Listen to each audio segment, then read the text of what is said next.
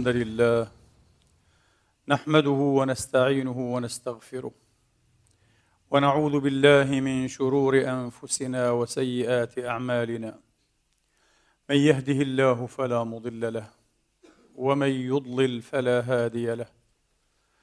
وأشهد أن لا إله إلا الله وحده لا شريك له ولا نظير له ولا مثال له.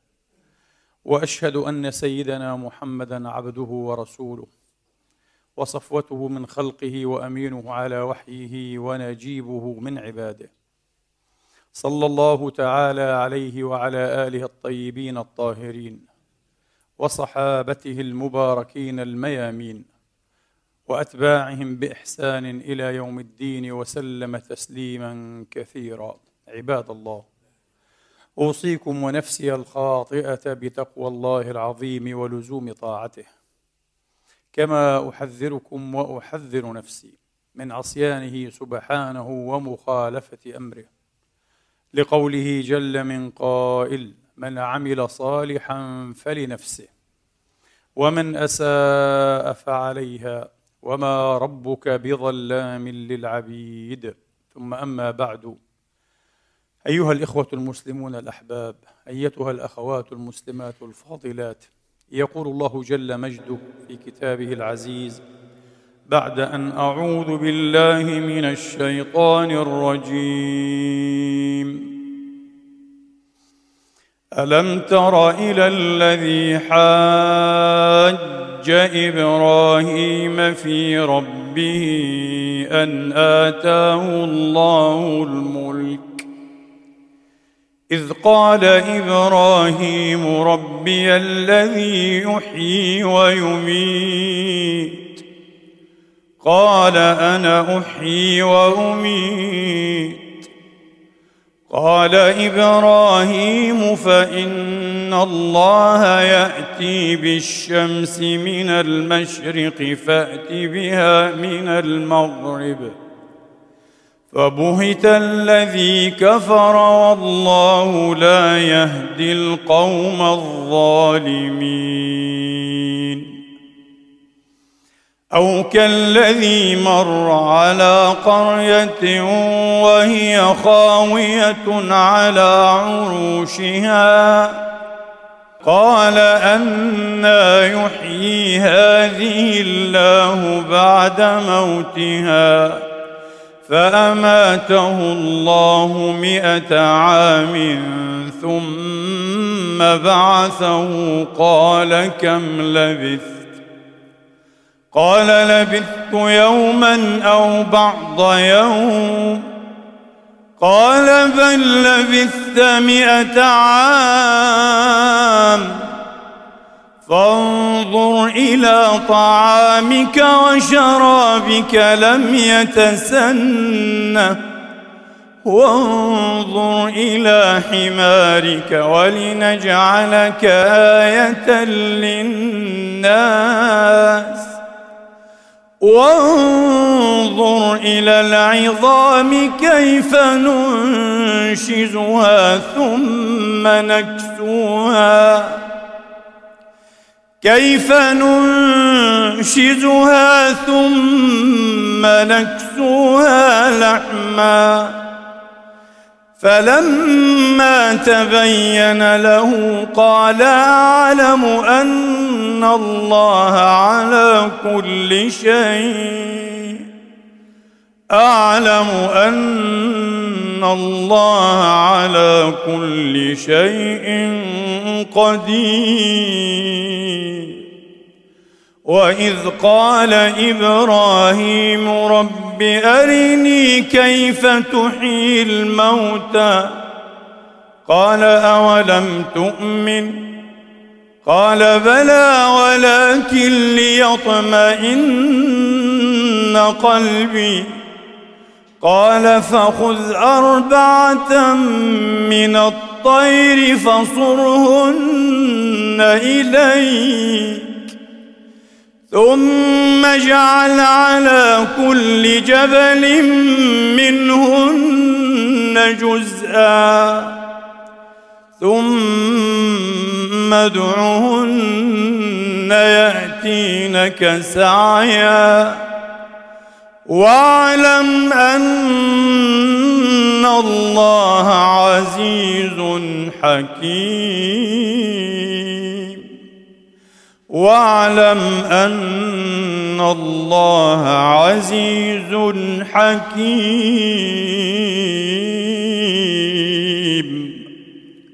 صدق الله العظيم. وبلغ رسوله الكريم ونحن على ذلك من الشاهدين. اللهم اجعلنا من شهداء الحق. القائمين بالقسط. آمين. اللهم آمين. إخواني وأخواتي هذا نموذج أو نمط يتكرر في كتاب الله مع السادة الكبار الأئمة إبراهيم الخليل وموسى الكليم ومحمد الحبيب المصطفى المختار المجتبى. صلوات ربي وتسليماته عليهم أجمعين. إبراهيم يسأل ربه رب أرني كيف تحيي الموتى؟ وموسى يسأل ربه رب أرني أنظر إليك. ومحمد عليه الصلاة وأفضل السلام. يحكي القرآن عن جوانب وقد تكون افتراضية بمعنى ما مما عرض له من التساؤل بصدد رسالته وماهيته ونبوته فإن كنت في شك مما. ما الذي يحصل؟ هل هو شك وارتياب أم أمر آخر طبع عليه الإنسان ضربة لازم أن يعود إليه وأن يصدر عنه؟ هي الثانية وليست الأولى.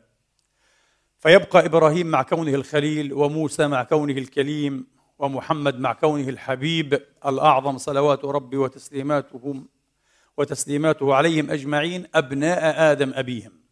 أبناء آدم الذي نهي عن قربان الشجرة فأبى إلا أن يقربها. ولقد عاهدنا إلى آدم من قبل فنسي ولم نجد له عزما. وقد لعب إنجاز التعبير إبليس لعنه الله تعالى على هذه النقطة التي علمها بطريقة ما. علم بوجودها في آدم خصمه وعدوه بطريقة ما. لعب على ملكة الفضول. في هذا النوع الجديد الذي سيخلف انواعا أخرى في الأرض. سيصبح خليفة في الأرض. الله تبارك وتعالى قبل أن يأمر الملائكة بتحية آدم بأن يسجدوا له أخبرهم أنه سيجعل في الأرض خليفة. إذا القضية مقررة ومحسومة ابتداء. لا بد أن يغادر آدم الجنة وأن يهبط إلى الأرض. قلنا اهبطوا منها جميعا. الله يعلم هذا وقضية مقررة. لكن كيف كان سبيلها؟ ما سبيل إخراج آدم من الجنة؟ لما كان ينبغي أن يخرج. الله تبارك وتعالى يعلم أن هذه القوة التي غرسها وغرزها وطبع عليها هذا الخلق هذا النوع الجديد ستخرجه من الجنة. إنها قوة الفضول. والعجيب أن معظم المفسرين تنبهوا إلى هذا. تنبهوا إلى أن القضية أكبر وأبعد من قضية أن إبليس لعب بعقل آدم. لا لا لماذا لعب بعقل آدم؟ آدم ليس كائنا غبيا إنه الكائن المعلم للأسماء كلها. كائن أذكى من إبليس بلا شك. أذكى. لا يمكن أن يقال إن إبليس أذكى من آدم. كيف يكون أذكى؟ وقد عصى ربه وأبلس من رحمته. هذا أغبى خلق. هو داهية مكار مخادع حقود متلون حربائي. نعم نعم. لكنه غبي. غبي. لا أغبى ممن يعصي الله. لا أغبى ممن. ولذلك كل من عمل السوء كما نقول دائما إنما يعمله جاهلا. علم أم لم يعلم؟ ولا عقل له. وهذا ارتكب أعظم معصية والعياذ بالله تبارك وتعالى. إذا ليست قضية أنه لعب بعقل آدم المفسرون فهموا فهموا أن هناك ولكن لم يصرحوا لأن هذه اللفظة لم تكن موجودة بهذه الطريقة وربما حتى المعنى لم يكن محددا على هذا النحو الذي أصبح واضحا للأجيال الحديثة والمعاصرة. لعب على هذه النقطة التي يعلم قوتها قوة إثارتها وفاعليتها وحفزها في الإنسان. الفضول. الفضول. لو أن الله تبارك وتعالى لم ينهه عن قربان تلك الشجرة وطبعا القرآن لم يجد نفسه ملزوزا أن يكشف لنا عن ماهية تلكم الشجرة. كما فعل المفسرون والدراسات أو يعني الأدبيات الإسرائيلية. أكثر من خمسين قولا. هذا لا يعنينا. لكن حتى بتقصي هذه الأقوال الخمسين ولعل الحق لا يخرج عنها ولعله يخرج. هناك شبه إجماع أنها لم تكن شجرة مميزة شجرة عادية جدا جدا. التفاح أو حتى الحنطة. هذه ليست شجرة. هذا تفسير غير صحيح غير دقيق هذه ليست شجرة إلا بتوسع شديد لكنها لم تكن مميزة. القضية أنه نهي عنها. فإذ نهي عنها فلا بد أن تلاعبه نفسه وأن تدفعه إلى قربانها. ولذلك ورد في الأثر وهو ليس حديثا مرفوعا إلى رسول الله إنما هو من مرسلات الحسن البصري ورواه ابن شاهين وغيره كما قال الحافظ العراقي لو نهي الناس عن فت الشوك وفي بعض الألفاظ عن فت البعر لفتوه ولا قالوا ما نهينا عنه إلا وفيه شيء. أخذ هذا المعنى الشاعر فقال منعت شيئا فأكثرت الولوع به حب شيء أي أحب شيء حب شيء إلى المرء ما منع. إذا أردت أن تغري أحدا بقربان شيء وتعاطيه انهه عنه وشدد عليه سيتعاطى. حتى أسطورة بانادورا أه؟ Pandora's box آه، جرة أو صندوق هي جرة في الحقيقة لم تكن صندوقا هي جرة لكن هكذا قالوا. صندوق باندورا باندورا تقوم على هذه المسألة. نهيت أن تفتح الصندوق. ففتحته. ومنه خرجت وتطايرت كل الشرور التي تفتك بالنوع البشري. هكذا تقول الأسطورة اليونانية. الثقافات كلها واضحة تماما مع هذه الملكة العجيبة في الإنسان. ملكة السآلية ملكة تقليب الأحجار فتح الأبواب البحث عن الملغز والخفي والغامض والسري والأسرار يعني. الخفي والمتخفي. هذه الملكة نفسها أيها الإخوة التي دفعت إبراهيم الخليل إلى أن يسأل ربه تبارك وتعالى أريني كيف تحيي الموتى؟ هو يعلم أن الله يحيي الموتى. لما لم يكتفي بالتسليم؟ ومسلم أيضا أن الله يحيي الموتى. يريد الفضول يحركه إلى أن يعرف كيف. وهذا لم يتنبه إليه كثير من المفسرين مع أن القرآن واضح جدا. وقال كيف؟ لم يقل أرني أنك تحيي الموتى. أثبت لي هذا لا. هو يعلم الخليل هذا عليه السلام. لكن يريد الكيفية. كيف يتم هذا؟ طيب. أنا أعلم. يقول أنا مؤمن. ولكن ليطمئن قلبي. ليزداد يقين وطمأنينة أريد أن أرى الكيفية. هذا هو الفضول. الفضول هو القوة التي تحركنا. من ماذا إلى كيف؟ ومن كيف إلى لماذا؟ وأيضا أنا أقترح مرحلة رابعة. وماذا لو؟ هذا هو العقل الإنساني. وهكذا تقدمت الشرائع والقوانين والفلسفات والأفكار والاختراعات والاكتشافات أه؟ أيضا الافتراضية التخيلي ماذا لو؟ وات اف كما يقولون. ماذا لو؟ اذا هو لا يكتفي بالمعطيات كما هي. أن يصفها. ماذا؟ المنطق الوصفي الوضعي. ولا أن يحللها. كيف؟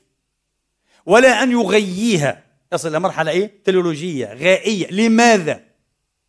هل هناك خطة تتغيى هدفا معينا؟ تريد أن تصيب غاية ما؟ لا يكتفي بهذا كله بل يتجاوزه ماذا لو؟ هذا من خلاقية الإنسان فتبارك الله أحسن الخالقين.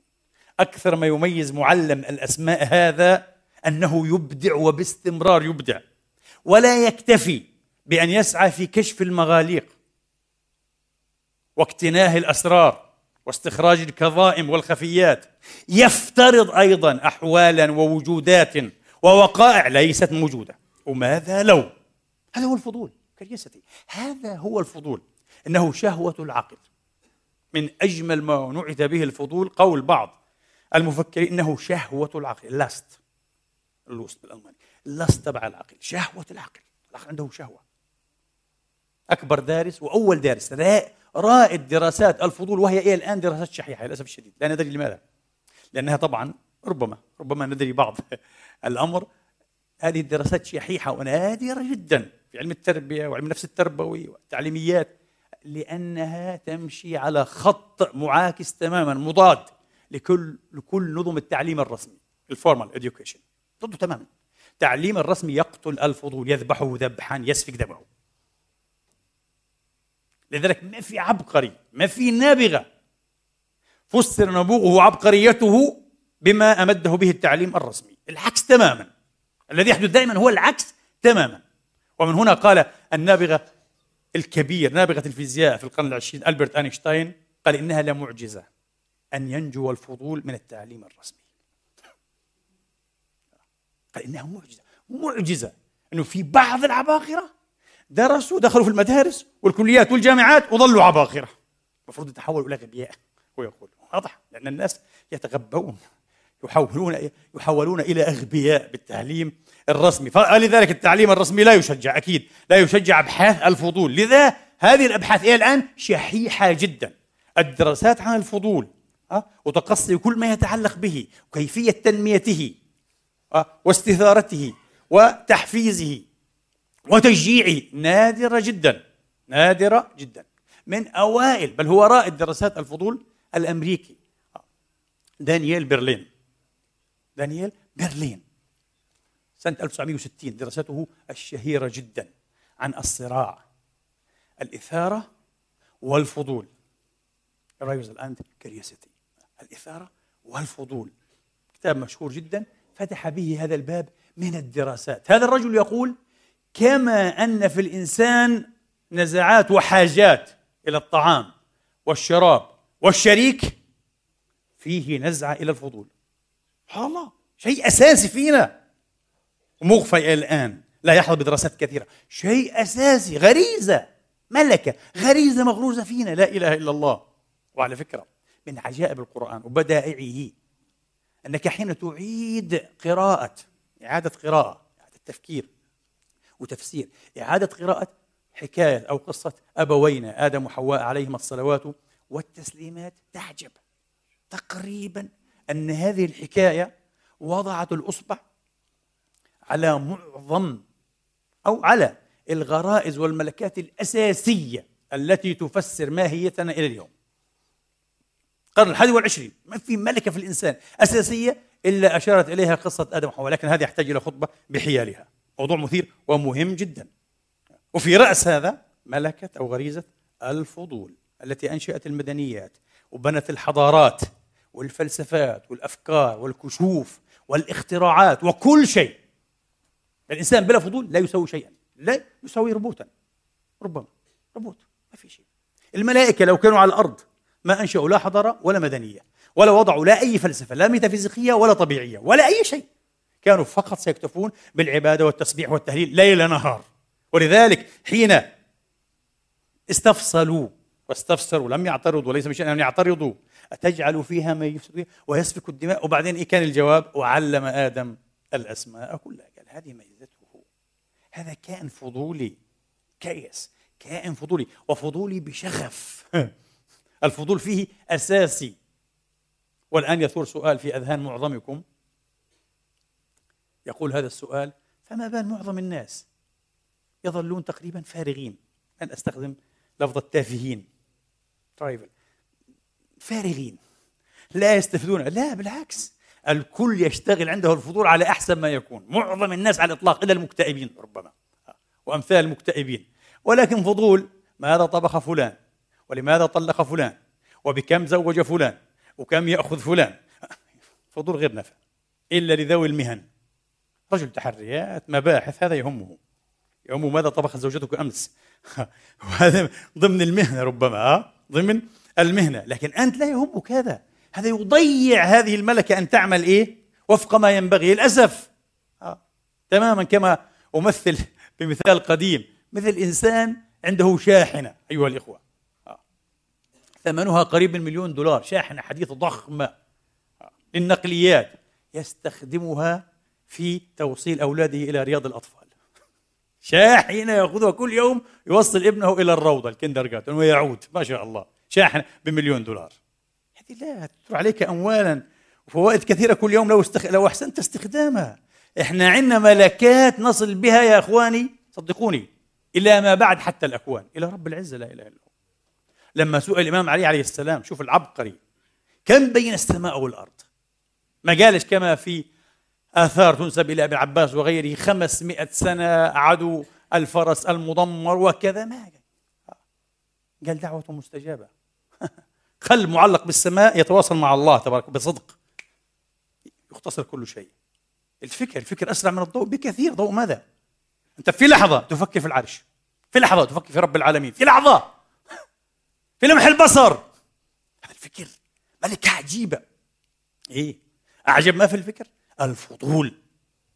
بغير فضول. الفكر كما قلت يتركنا فقط مجرد حواسيب روبوتات مش أكثر من هيك. لكن بالفضول كنا بني آدم بناة الحضارة. منشئي النظم الفكرية والفلسفية والدينية. كنا هذا العجب العجيب جدا حقيقة عجوبة الكون هو الإنسان. ولذلك سخر الله له ما في السماوات وما في الأرض جميعا من يعلم أنه بقوة الفكر والفضول المعرفي والفكري يمكن أن يتسلط على هذه المسخرات كلها وأن يفك مغالقها وأسرارها. قد فعل ولا يزال يفعل لكن توائي تسارعت الوتيرة جدا في آخر إيه قرون ما شاء الله. فعلا فكر البشري العلم الإنساني شيء مذهل اصبح ولسه لعلنا في بداية البداية. لكن ما أنجزناه معجب ومدهش جدا. اذا الذي حرك ابوينا هو الذي حرك إبراهيم عليه السلام. ارني كيف؟ هو لا يكتفي بمرحلة ماذا؟ ماذا؟ الله على كل شيء قدير. الله يحيي ويميت. هذا ماذا؟ ابدا وصف هذا. لكن كيف؟ وبعدين بيجي إيه؟ سؤال آخر يدخل في فلسفة الدين وفي عمق العقيدة. مسألة التعليل. المساله الشهيره جدا بالأشاعرة وأخصامهم. وهل تعلل أفعال الله أو لا تعلل؟ وبأي معنى؟ إلى آخره. مسألة ولماذا؟ وكما قلت أقترح المرحلة الرابعة وماذا لو؟ وماذا لو؟ هذه مهمة جدا أيضا. ماذا لو؟ وقد طرحت. ولا تزال إيه تمارس أيضا سحرها على الأدمغة الكبيرة. ماذا لو؟ في العلم كما في الفلسفة. في العلم حتى في الفقهيات والقوانين. الفقه الإسلامي لم يزخر لم يزخر هذه الزخارة ولم يتعمق ويضرب إيه بجيرانه إلا بفضل ما ظنه كثير من الأئمة في البداية نزعة سيئة النزعة الأرأيتية. أرأيت لو؟ ماذا لو؟ بالعكس. خاصة عند الأحناف هذه النزعة الأرأيتية. أرأيت لو كان كذا؟ ماذا يكون؟ بالعكس هذا شيء جميل. وما في تقريبا مسألة أرأيتية في الفقه كانت محل سخرية وتندر في القديم تقريبا. إلا صادق عليه العصر الحديث وأصبحت من نوازل العصر الحديث ما رأيكم؟ شيء غريب شيء غريب هذه إيه؟ عمق العقلية الفقهية الإسلامية وخصوبتها وخص... على كل حال دانيال برلين يقول كما أن غريزة الطعام والشراب تدفعنا للبحث عن الطعام وعن الشراب وغريزة البحث عن الشريك غريزة تعرفون لا لا نحب نستخدم اللفظة المشهورة غير لائقة. آه، وإن كانت علمية تبحث أو تدفع صاحبها إلى البحث عن الطرف الآخر عن الشريك الزوج والزوجة فكذلك الفضول يقول. ملكة الفضول تدفعنا إلى البحث عن المعلومات عن طرح الأسئلة والبحث عن جوابات لها أسئلة في كل شيء. طبعا أكبر فضول من هو؟ الطفل. في أي مرحلة؟ للأسف في أول ثلاث سنوات. أن الجواب أو المعلومة السيئة جدا. للأسف بعد السنة الثالثة تبدأ شعلة الفضول تنطفئ في الأطفال. لا لا لا أنا هنا متحيز للجناة للمجرمين. تنطفئ ولا تطفأ تطفأ هي لا تنطفئ. لو تركت وحدها لن تنطفئ. شعلة قوية. غريزة الأكل والشرب البحث عن الشريك لكنها تطفأ المجتمع يعمل على طفئها. وأول من يفعل الأبوان. كل انتهار لطفل حين يسأل سؤالا صعبا. أسئلة الأطفال ليست سهلة. أسئلة الأطفال عميقة جدا وهم لا يدركون أنها عميقة. مجرد سؤال. الذي يكسبها عمقها تعرفون ما هو؟ أن الطفل فعلا العبقري بطبيعته يرى كل شيء غير مفهوم ويراه عجيبا وغريبا. يعني ما قاد إسحاق نيوتن إلى اكتشاف نظرية الجاذبية كل طفل يراه غير عادي. لماذا يقع الشيء من فوق إلى تحت؟ لماذا يقع؟ لماذا لا يبقى معلقا في الهواء؟ لماذا لا يطير في السماء مثلا؟ أي طفل دون الثالثة يرى أن هذا شيء غير غير طبيعي أن الأشياء تقع على الأرض. نيوتن وهو كبير وعلامة كبير ورياضي خطير فعلا استبدت أخذت بتلابيبه هذه الدهشة. قال هذه الأرض. لماذا لا تقع الأشياء في الفضاء؟ لماذا تعود إلى الأرض؟ قال. لماذا البحار المحيطات ممسوكة في الأرض؟ قال. شيء غير مفهوم. إيه؟ قضية التفاح هذه. طبعا عقل عقل طفل لأنه عبقري. كل عبقري هو طفل. ليس من حيث السذاجة أو قلة المعلومات. لا لا.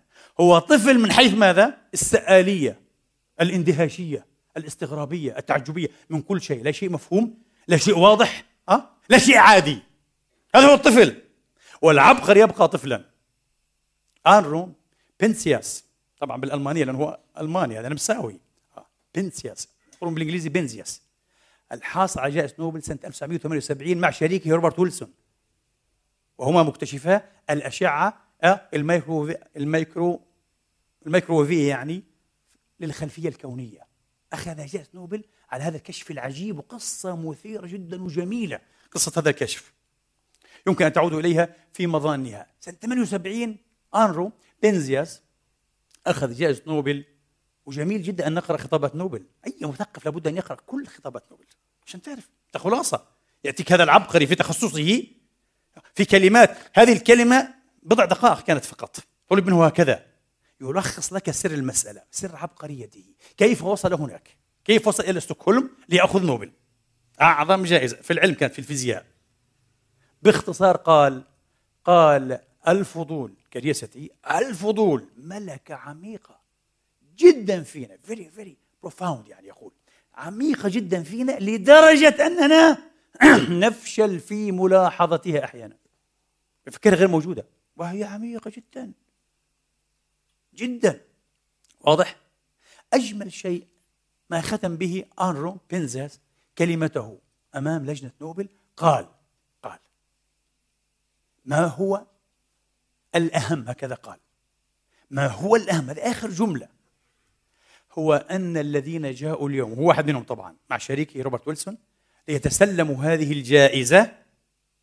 في الأغلب هم الأعلى سنا. كلنا كبار قال. فوق الأربعين فوق الخمسين مش شباب صغار. ولكنهم الأصغر سنا من حيث الروح. يقول يعني الأطفال في الروح. إحنا أطفال قال. أطفال. إحنا الأطفال. 40 سنة 50 سنة 60 سنة أطفال. من حيث ماذا؟ من حيث الروح. كما قلت مش من حيث قلة المعلومات والسذاجة والبساطة والبراءة لا.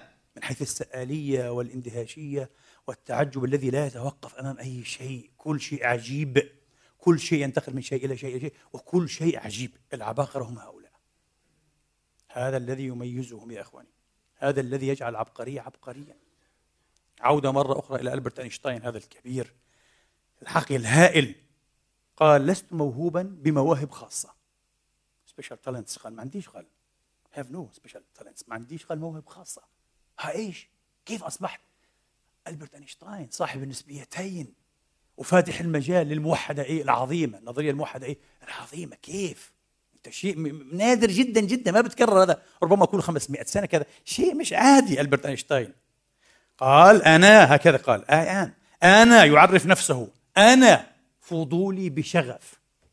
patiently curious قال أنا رجل فضولي بشغف مثل الأطفال طفل. قال أنا. هكذا. فشلت المدارس أن تقتل هذا الفضول فيها إخواني. لذلك دائما هؤلاء العباقرة في مشاكل في المدارس معهم. وفي معظم الأحيان يحكم عليهم بأنهم فشلة كسولون غير. كذا غير طبيعيين أغبياء بلداء هكذا هكذا حكم على أينشتاين وعلى إديسون وعلى تشارلز داروين كل العباقرة عندهم مشاكل تقريبا في المدارس لأنه الفضول إيه؟ شيء مش مستوعب في نظم التعليم الرسمي للأسف الشديد وهذه مهمة جدا اليوم أن نلفت إليها في خطبة إيه؟ اليوم الحديث عن الفضول لا ينتهي إخواني وأخواتي حديث لا يمكن أن ينتهي عن هذه الملكة العجيبة والضرورية لحياتنا. عن شهوة العقل عن شهوة العقل. إذا لم يعطى الجسم شهوته ذوى وضعف وذبل. وتعرض إيه؟ للفناء والتحطم. العقل كذلك إذا لم يعطى شهوته ذوى وذبل. استعمله أو ستفقده. use it or lose it ستفقد العقل سيصبح العقل هذا شيء من التاريخ شيئا من التاريخ. آه.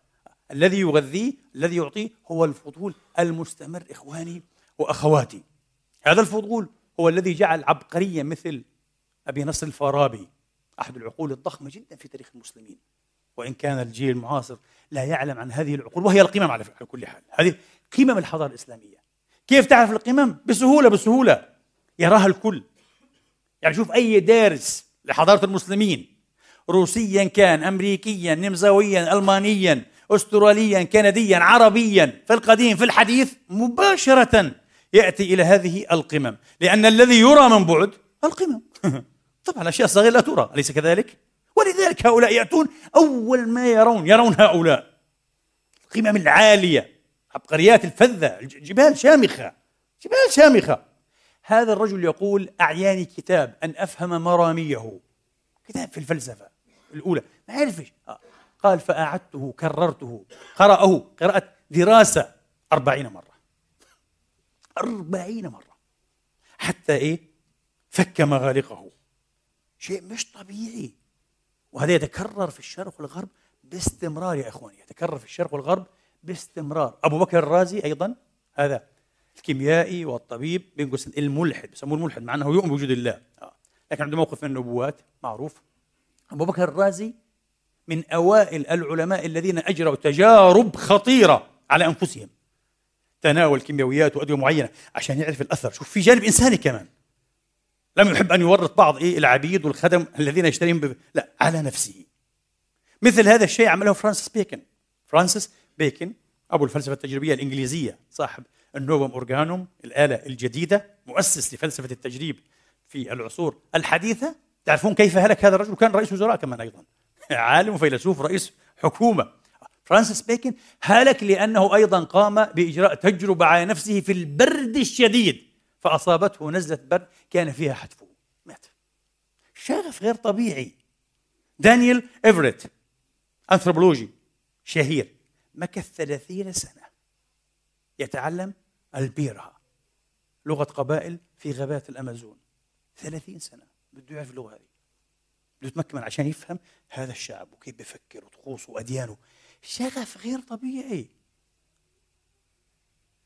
يقول يحدثنا في كتابه مع الحياة عن رجل إنجليزي أخذ دكتوراه في الجهاز التناسلي للبرغوث. فلو. مش معقول. البرغوث. جهاز تناسلي. دكتوراه. هؤلاء أبناء آدم على فكرة. هؤلاء يمتون إلى آدم أكثر منا. إلى أكل الشجرة. إلى معلم الأسماء كلها. يحبون أن يفهموا كل شيء. وأن يتساءلوا بصدد كل شيء. حتقول لي يا خيبتنا يا ويلتنا يا حسرتنا. من فكر إسلامي شاع في آخر 40 و50 60 سنة سبحان الله. إلى الآن على فكرة وما زال يحاول أنا أراه يحتضر. الحمد لله. نسأل الله أن يعجل بوفاته وقبره من غير صلاة جنازة عليه. فكر وطريقة ومزاج وعقلية وروحية. عند أنفار من المسلمين سبحان الله تريد منا أن نغلق على كل شيء لا أن نفتح أي شيء ولا أن نتساءل بصدد شيء وأن نتلقن. باسم أن هذه طريقة السلف الصالحين. هذه الطريقة دمرتنا وستدمرنا. هذه الطريقة هي التي جعلتنا نعاجا ومحزن يمكن لكل أحد أن يضعنا في قطيع ثم يوجهنا إلى ملحمة إلى كارثة يعني ليس إلى ملحمة بل إلى كارثة إلى مذبحة. طبعا عقول لم تتعلم أن تتساءل بصدد أي شيء. على أن هذا من الدين. من قال؟ من قال يا رجل؟ نحن نتحدى. نتحدى أن ندل على دين أو حتى ثقافة. تجعل الاجتهاد الخاطئ الغالط مأجورا. إذا اجتهد الحاكم حديث عبد الله بن عمرو عن أبي في الصحيحين في مسند أحمد إذا اجتهد الحاكم أي القاضي طبعا. والقضاة مش زي اليوم كانوا حافظين قوانين وباراجرافات. لا لا كانوا مجتهدين. استنبطوا الأحكام من مصادرها. كان يشترط في القاضي في العصائر الأولى أن يكون مجتهدا. تخيلوا مثل الأئمة الكبار. هذا القاضي مش حافظ أشياء.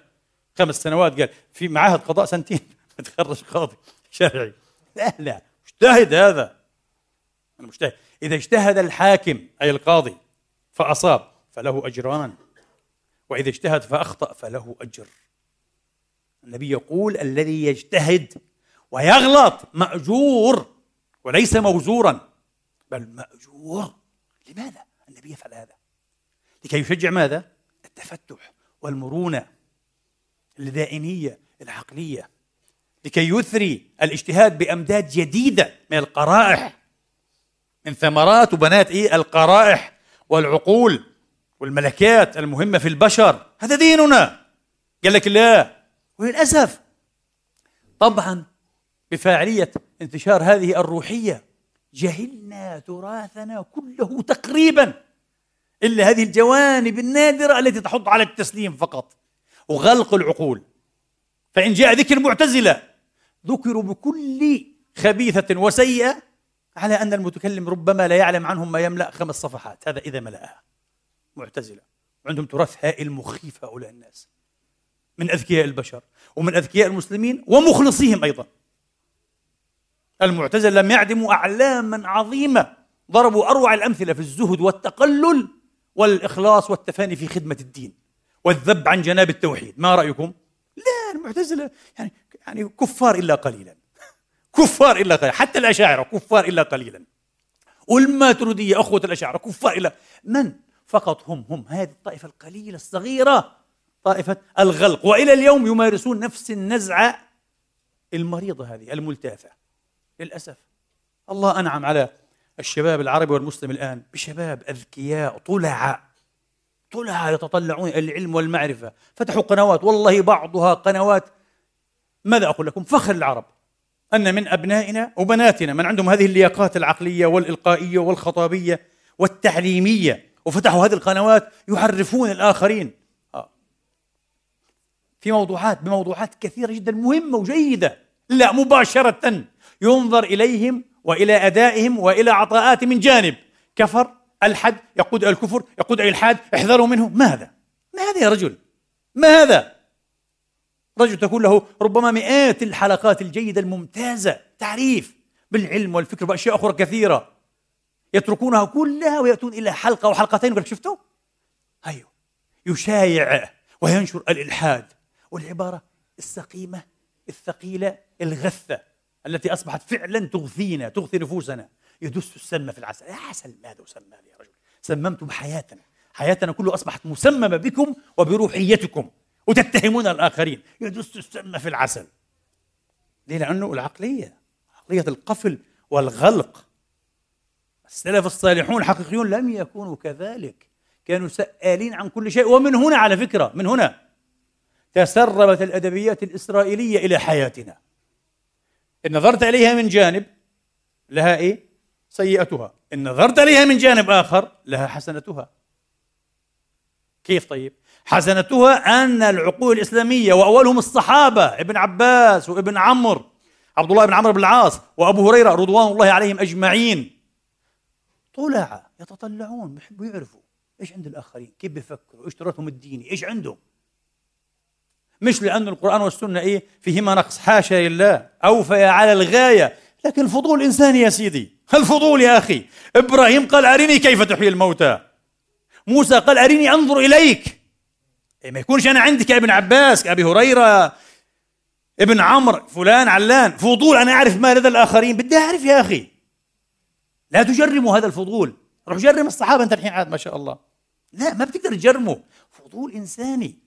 شوف أعظم مثل تقريبا يمكن أن نقع عليه للفضول المعرفي موسى نفسه عليه السلام. وهذا فعلا يهز الأعطاف. هذا المثل الحي العظيم مثل لبشر حي مش افتراضي مش خيالي مش أسطوري. يهز الأعطاف موسى حين سمع أخبره الله تبارك وتعالى. لا يا موسى لا تتجاوز حدك. وقف في بني إسرائيل مرة خطيبا فسئل من أعلم الناس؟ قال أنا. أنا رجل نزلت علي الألواح مكتوبة بخط القدرة. أنا رجل أخاطب السماء. يكلمني الله تبارك وتعالى وكلم الله موسى تكليما. أنا الأعلم. فعتب الله عليه إذ لم يرد العلم إليه قالوا لا لا يا موسى. أنت لم ترد. أقول الله أعلم. مش عارفك. قالوا طب هل ثمة أعلم؟ قال له نعم. عبدنا خضر. قال له وين؟ دلني عليه. أو أمضي حقوبا شوف المثل.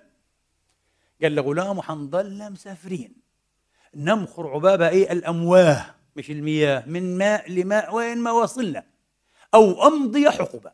80 سنة 100 سنة. ينقضي عمري إلى أن أصيب هذا الرجل الذي عنده علم ليس عندي فأتعلم منه. شفتوا الشغف العلمي؟ هذه روح عجيبة يا إخواني. على فكرة ينبغي أن نختم هذه الخطبة بقاتلات الفضول إنجاز التعبير. إيش اللي يقتل الفضول؟ طبعا عرفنا إيه؟ أن أول قاتل التعليم الرسمي. التعليم الرسمي. وتقريبا من أحسن من دمغ ووصم وأدان وجرم هذا التعليم الرسمي لجهات معينة طبعا. ليس من كل الجهات. كين روبنسون الأستاذ العالمي في التعليميات والمستشار الدولي الإنجليزي طبعا.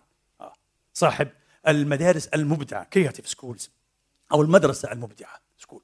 هذا الرجل قال قال التعليم الرسمي مشكلة كبيرة. التعليم الرسمي في العصر الحديث كله في الوقت الراهن متأثر بنموذج الثورة الصناعية في القرن الثامن عشر. خطوط الإنتاج ال mass production هذه هم زي هيك. كما تنتج ال BM والمرسيدس عبر خطوط إنتاج مئات آلاف القطع تنتهي في الأخير بسيارة إيه كاملة تحمل الماركة المسجلة. كذلك هؤلاء. بدخلوا الناس بالألوف بالملايين خطوط إنتاج. تدرس نفس الفيزياء اللي بدرسها أنا نفس الكيمياء نفس التربية الاجتماعية نفس التاريخ نفس الفلسفة نفس نفس نفس, نفس على نفس المدرس وخلاص. طبعا. هذا يجهض بذورا كثيرة في أكثرنا للعبقرية والنبوغ والعطاء الجديد. كلها تجهض. مشكلة الفضول أن بذرته هشة. ضمن نظم إيه؟ التربية والتعليم المعاصرة. هشة. تقتل بسرعة للأسف الشديد. لذلك كما قلت لكم الخبر السيء أنه بعد ثلاث سنوات تبدأ هذه الشعلة تنطفئ أو تطفأ بالأحرى. قال لك أكثر اشتعال لها في الثلاث السنوات الأولى. وبين السنة الخامسة يعني دخل إيه؟ رياض الأطفال. والسنة الثانية عشرة تكون المهمة قد أنجزت قتل الفضول. الله أكبر شيء سيء جدا جدا. إيش المعلومة هذه؟ ها؟ هذا طبعا أدلت به عالمة النفس الأمريكية المتخصصة في دراسات الأطفال وفي موضوع الفضول عندها كتاب جميل جدا اسمه العقل الجوعان أو العقل الجوعان الجائع The Hungry Mind. البحث عن أصول الفضول أو الفضولية في الطفولة. قالت هذا. قالت هيك الدراسات بتقول للأسف الشديد. بابين إيه؟ الخامسة والثانية عشرة تكون المهمة أنجزت يقتل الفضول. ما أجمل ما قال العبقري الكبير اللي كان رائدا في دراسات الفضول ولا ربما تعاطى هذا الموضوع برثاند راسل. إيه؟ حين كتب مرة يقول البشر لا يولدون أغبياء يولدون جهلاء ما عندهمش معلومات. هذا صحيح. قال تعالى والله أخرجكم من بطون أمهاتكم لا تعلمون شيئا وجعل لكم السمع والأبصار والأفئدة. عشان تفهموا وتعقلوا. طيب وتشكروا بعدين. قال لا يولدون أغبياء ولكن يولدون جهلاء. ثم يصيرون أغبياء. لذلك اقترح بعضهم علما يسمى علم التغبية. يرى أن التعليم الرسمي متخصص في التغبية في جعل الناس أغبياء. طبعا لأنه الهاجس يا إخواني وراء التعليم الرسمي حقيقة الدولتي الذي دائما تقوده وتوجهه وتديره الدول الحكومات. الهاجس الحقيقي كما كشف فوكو بالذات يعني بصراحة في دراساته في موضوعات مختلفة ال control السيطرة السيطرة. السيطرة صعبة جدا على العباقرة والمتسائلين والفضوليين لكن السيطرة على النمطيين والقوالبيين سهلة جدا. تضع نمطا للسيطرة إذا اشتغل على واحد يشتغل على مليون. انتهى خلاص. تتحكم في ال herd في القطيع تسوق القطيع إلى حيث تشاء. لذلك هذا التعليم خطير. فكين روبنسون يقول يقول ينبغي أن نتخلى عن نموذج الثورة الصناعية النموذج الصناعي. في التعليم. طب عندك بديل؟ قال عندي بديل. نعود إلى النموذج الزراعي. شوف الثورة الزراعية والثورة الصناعية والثورة المعلوماتية الموجودات الثلاث والحين الرابعة. قال لك لا نعود إلى الموجة الأولى. بدنا روحية وعقلية الثورة الزراعية في التعليم. فعلا. لذلك شوف عظمة القرآن الكريم. محمد رسول الله والذين معه. بعدين إيش يقول؟ ذلك مثلهم في التوراة ومثلهم في الإنجيل كزرع أخرج شطأه فآزره فاستغلظ إيه؟ فاستوى على سوقه الله أكبر الله أخرجكم من الأرض إيه؟ شيء غريب إخراج كنتم خير أمة أخرجت كزرع أخرج نموذج زراعي إيش الفرق بين نموذج إيه؟ إيش الفرق بين الزراعة والصناعة بين البستنة أو بين إيه؟ البستان وبين مصنع إيه المرسيدس كما قلنا هنا خط إنتاج في قالب. وهنا لا. كل بذرة لا تطلب أكثر من تهيئة الجو العام لها ثم دعها لقانونها الخاص لتعطي ماهيتها الخاصة. عجيب. هذه الزراعة هذا عمل مزارع. لابد يكون عندنا نموذج جديد روحية جديدة في التعليم. تستلهم ماذا؟ المعنى الزراعي مش المعنى الصناعي. علشان نحافظ على العبقريات الكثيرة ألا تضيع. وهذا يسرع من إيه؟ من وتيرة تقدم البشرية وسعادتها. فعلا. شو اليوم بعض الناس يظن أننا في قمة التقدم. وفي نفس الوقت نمارس على فكرة ممارسات كثيرة تشهد بأننا في قمة الانحطاط وقمة الغباء. فعلا. اليوم من الذي ينكر أن البشرية كل البشرية في الشرق والغرب والشمال والجنوب يد هذه البشرية على قلبها؟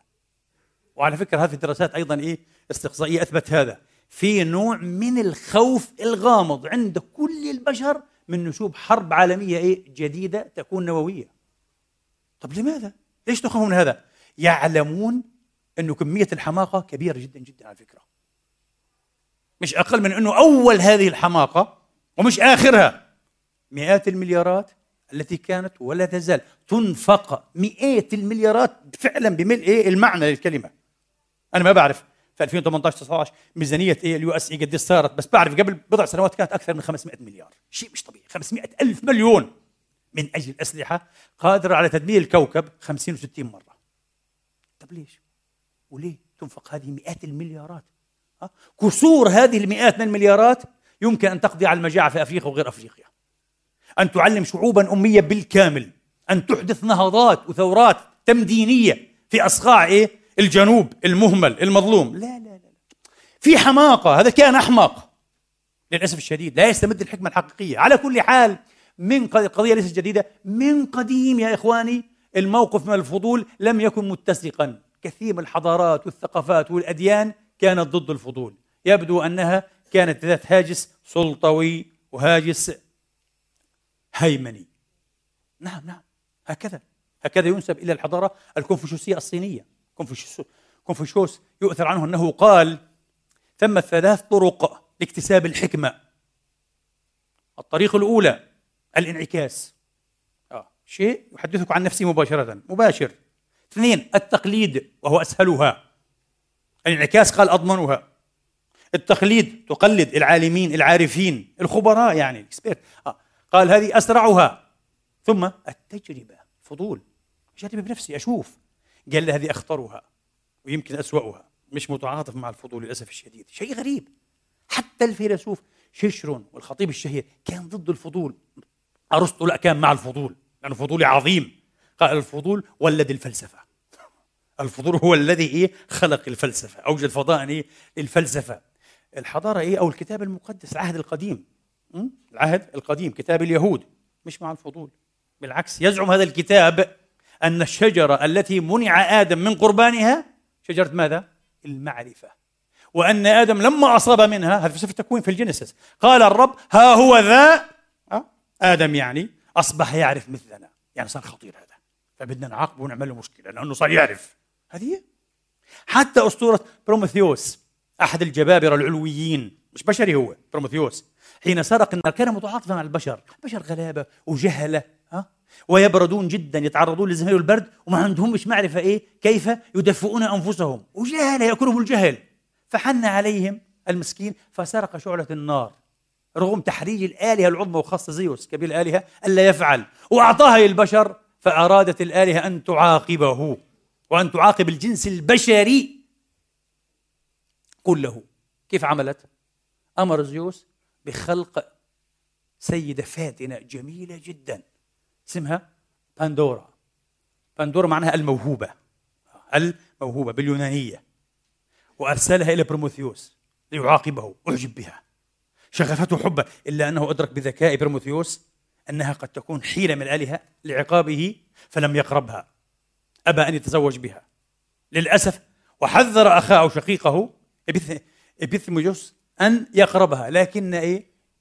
الشقيق لم يستمع وتزوج بها. كان زيوس كبير الآلهة أعطاها إيه؟ جرارا آنية مش حتى جرة واحدة جرارا آنية. وقال إياك أن تفتحيها وهو يعلم أنه إيه؟ أنها ستفتحها ويعلم أنه خلقها وخلق فيها ماذا؟ الفضول. هكذا تقول الأسطورة أسطورة. لكن الجوهر صحيح المعنى صحيح على فكرة. تلتقي مع قصة آدم كمان في الجوهر. قال إياك أن تفتحي هذه الجرار الآنية الفخارية. إياك. قالت حسنا حسنا حسن لن أفتحها. بعد أن تزوجت إيه؟ هذا الجبار شقيق بروميثيوس جعلت ترده نفسها. أفتح لا أفتح. حتى انتهزت ذات يوم ساعة كان فيها نائما يغط في نوم عميق زوجها وفتحت الجرار. وحين فتحتها خرج منها القتل والكذب والحقد والغش والحسد ها؟ والانتقام والمكر والدهاء والحرب. كل الشرور التي تعمل على إيه؟ إشقاء النوع البشري. ولم يبق إلا شيء واحد فقط. بقي إيه؟ في قاع الجرة الكبيرة. إنه الأمل. إنه بقي الأمل. الأمل أن يتغلب الإنسان على شروره وعلى حماقاته. لكن كيف عوقب هذا الجنس البشري؟ بماذا؟ بالفضول. بالفضول. لذلك الآن يستخدمون هذه الامثوله هذا الميتافور يقول لك صندوق بندورا صندوق العجائب إياكم أن تفتحوا هذا الصندوق. إيه سنفتحه؟ كما فتحته بندورا سيفتحه كل فضولي وهذا الذي يحصل باستمرار. على فكرة حين لا نفتحه يكون فعلا قد آذنا بذواء وموت على أعتاب الفناء حين فعلا لا نفتحه. وموجود بين أيدينا. تماما كما لا نفتح مغالق القرآن الكريم. أكثر ما يحزنني والله. ويؤلمني. ما ألمسه منا كمسلمين نقرأ القرآن نخر عليه صما وعمياء لا نفقهه وقلت أكثر من مرة. وعيب أن أقول هذا لكن هذه الحقيقة. الآن الآن بعد هذه الخطبة اعملوا اختبار لأنفسكم. خذ جارك. افتح على جزء عامة. اسأله عن مواضع سترى أنه في مواضع كثيرة لا يعرف معناها. جماعة فأوعى. قول له إيش أوعى؟ مش حيعرف. ولا يخاف عقباها. مين اللي خاف عقبة إيه؟ مش حيعرف. أشياء كثيرة. غثاء أحوى. إيش الغثاء وإيش الأحوى؟ مش حيعرف. على أنه يحفظ هذا الجزء من خمسين سنة. وقرأه خمسة آلاف مرة. في رمضان وغير رمضان. ولا مرة سأل نفسه يا أخي أجيب كتاب تفسير الجلالين؟ تفسير بسيط جدا جدا. أفتح أسأل. أسأل إيش معنى هذا عشان أفهم. كلام ربي. ما في ما في. معناها اشتغلت فينا العقلية إيه؟ السلفوية. إنجاز التعبير جعلتنا إيه؟ لا نفتح الصناديق. للأسف الشديد. على كل حال نعود إيه إلى موضوعاتنا. قاتلات الفضول على رأسها التعليم الرسمي ويمكن من عقابيل التعليم الرسمي يا إخواني نزعة التعالم. طبعا عندي شهادة عندي ماجستير عندي دكتوراه. يا أخي أستاذ في الجامعة أنا. أسألك ليه؟ اسألني فيما لا تعلم اسألني في تخصصي. لا لا ما اسألش حدا يا أخي. نزعة التعالم على فكرة بين قوسين ولا هذا ليس من قبيل جلد الذات لكن هذه حقيقة مقررة من الصعب أن نفر منها. متعاظمة جدا جدا فينا معاشر العرب. بصراحة بصراحة. واضح واضح. نزع التعالم. واحيانا لا عنده لا ماجستير ولا دكتوراه ولا بكالوريوس حتى ولا ثانوية عامة. في نزعه تعالم طبعا المتعالم كيف يسأل؟ لأنه الإندكس مؤشر الفضول. ما هو؟ كيف نعرف أن الإنسان عنده إيه؟ فضول. دانييل برلين قال ماذا؟ قال يمكن وهذا الدراسة العلمية يمكن تكميم يعني معرفة مقدار الفضول عند الإنسان. عجيب هذه دراسه علمية 100% كيف طيب؟ قال تماما كما يمكن تقدير حدة الحكاك الذي سطى ببعضهم. مرض الحكة هذه. واحد عنده مرض جلدي بحك آه. كيف نعرف قديش إيه حدة هذا المرض؟ قال بكمية إيه الحك التي يجريها هذا إيه الموبوء إذا بحك كثير معناها إيه الحكاك إيه شديد أليس كذلك؟ كذلك الذي يتساءل كثيرا يقرأ كثيرا يبحث كثيرا يراقب كثيرا. وقته كله في العلم والأسئلة والأجوبة هذا عنده ما شاء الله الفضول إيه في أعلى إيه؟ درجاته. واللي كل موتة كافر بورجيك وجهه بيسأل سؤال كل موتة كافر وعنده مكتبة فيها 500 مجلد كل موتة كافر بيفتح المجلد لخمس دقائق. وبعدين بنعس يأخذه النوم ثم ينام. آه. هذا ما الفضول ميت عنده قال.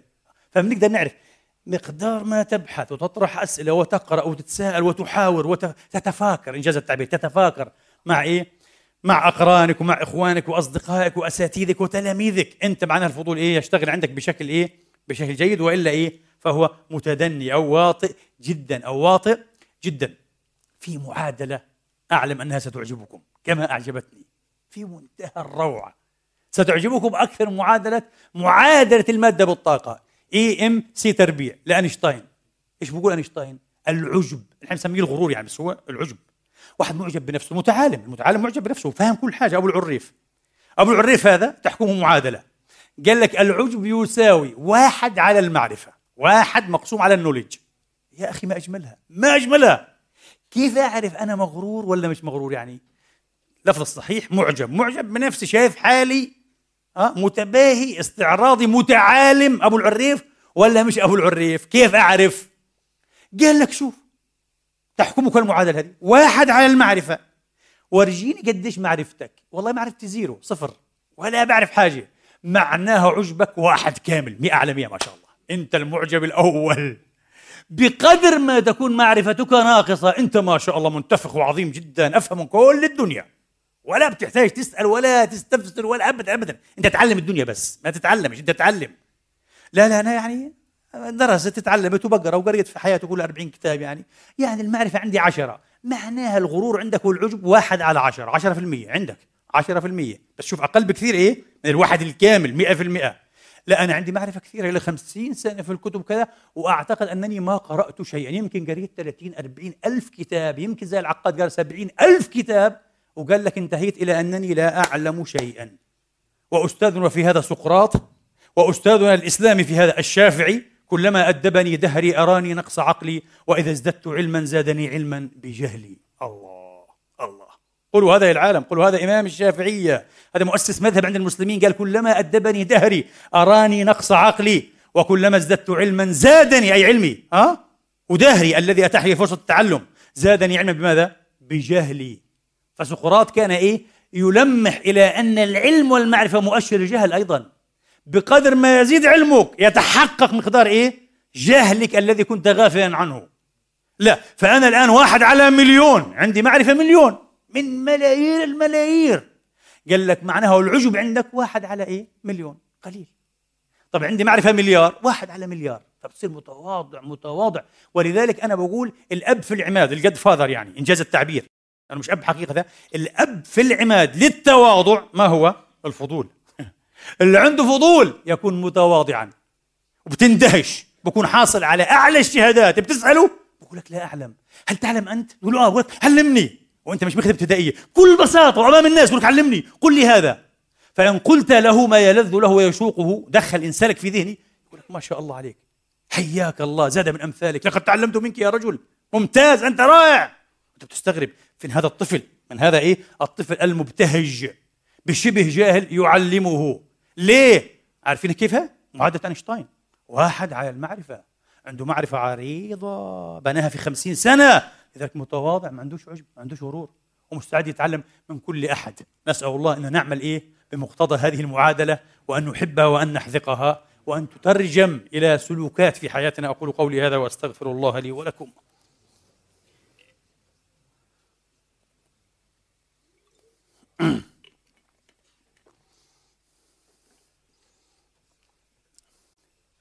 الحمد لله الحمد لله الذي يقبل التوبة عن عباده ويعفو عن السيئات ويعلم ما تفعلون ويستجيب الذين آمنوا وعملوا الصالحات ويزيدهم من فضله والكافرون لهم عذاب شديد واشهد ان لا اله الا الله وحده لا شريك له وأشهد أن محمدا عبده ورسوله صلى الله تعالى عليه وعلى آله وأصحابه وأتباعه وسلم تسليما كثيرا. تعليقا منه على حكاية موسى والخضر عليهما السلام قال نبينا معلم الناس الخير وكل الخير عليه الصلاة والسلام وآله قال يرحم الله أخي موسى لوددت أنه صبر. يا ريته صبر شوية. ليش طيب؟ شوف فضول عند رسول الله. قال لو صبر موسى شوية كمان لتعلمنا. يعني مزيد علم. كان الخضر هذا كشف لنا إيه؟ عن أسرار أخرى. ها؟ عن أمور أخرى خطيرة وحساسة. بس موسى ما صبرش. ثلاث مرات وضيعها علينا. النبي شوف يتحسر. هذا النبي هو الذي ربى في أصحابه نفسية. حملت جابر ابن عبد الله الذي حدثتكم بنبيه قبل أشهر يسيرة. على أن يرحل راحلته وأن يسافر شهرا كاملا إلى مصر ليلتقي بعبد الله ابن أنيس يسمع منه حديثا لم يبق إلا هو سمعه من رسول الله. وجاء وأبى أبى حتى أن يتناول كرامة الضيف. يعني يشرب له كوباية إيه قهوة ما كانش في قهوة طبعا وشاي وما كانش عندهم شاي. يعني كوب لبن. ما أبى قالوا لا لم آتي لهذا النية لله. أنا جئت فقط لكي أسمع هذا الحديث. قال له نعم النبي قال مش هنقوله حديث له علاقة بيوم القيامة إلى آخره. ذكرنا أكثر من مرة. جزاك الله خيرا ركب الراحلة وعاد. الله أكبر. شهر في سبيل حديث وإحنا اليوم عندنا في مكتباتنا البخاري ومسلم وأبو داود والترمذي والنسائي وابن ماجه وأسوأ. ومين اللي يفتح؟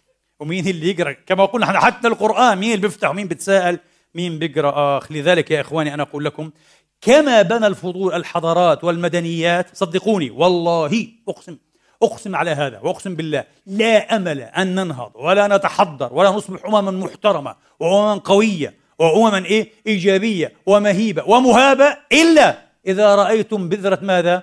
الفضول المعرفي مش فضول الأكاذيب والمواقع الكاذبة والسخيفة وفلان ليش طلق مرت كذا وفلان كيف أغوى كذا. الكلام السخيف هذا اللي بيهتموا فيه شبابنا وشاباتنا اليوم ابدا.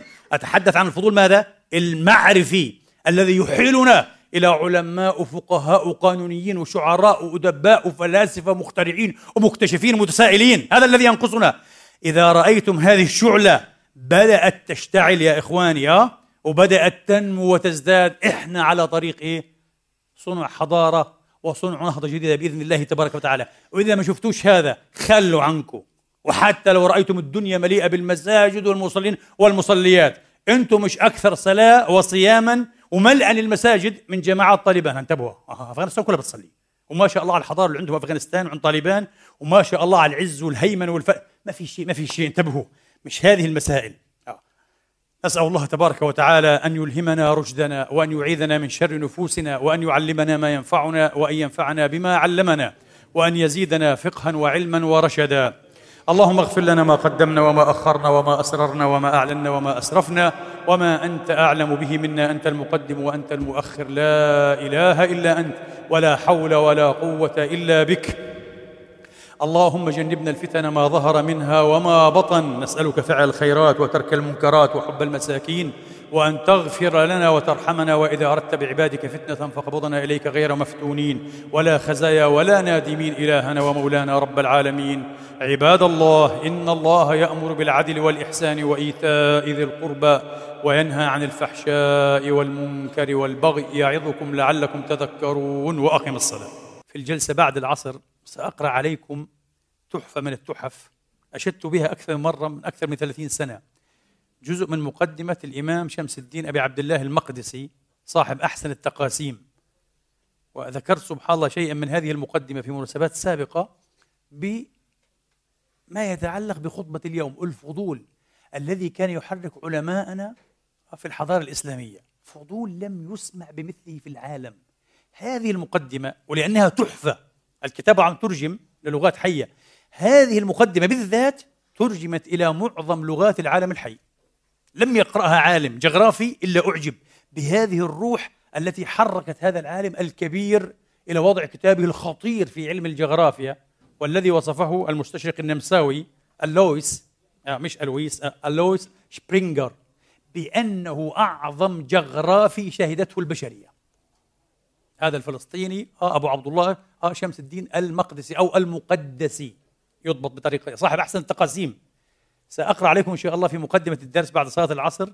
مقدمة جزء من مقدمة المقدسي لكتابه لكي تعلموا كيف بنى أجدادنا الحضارة.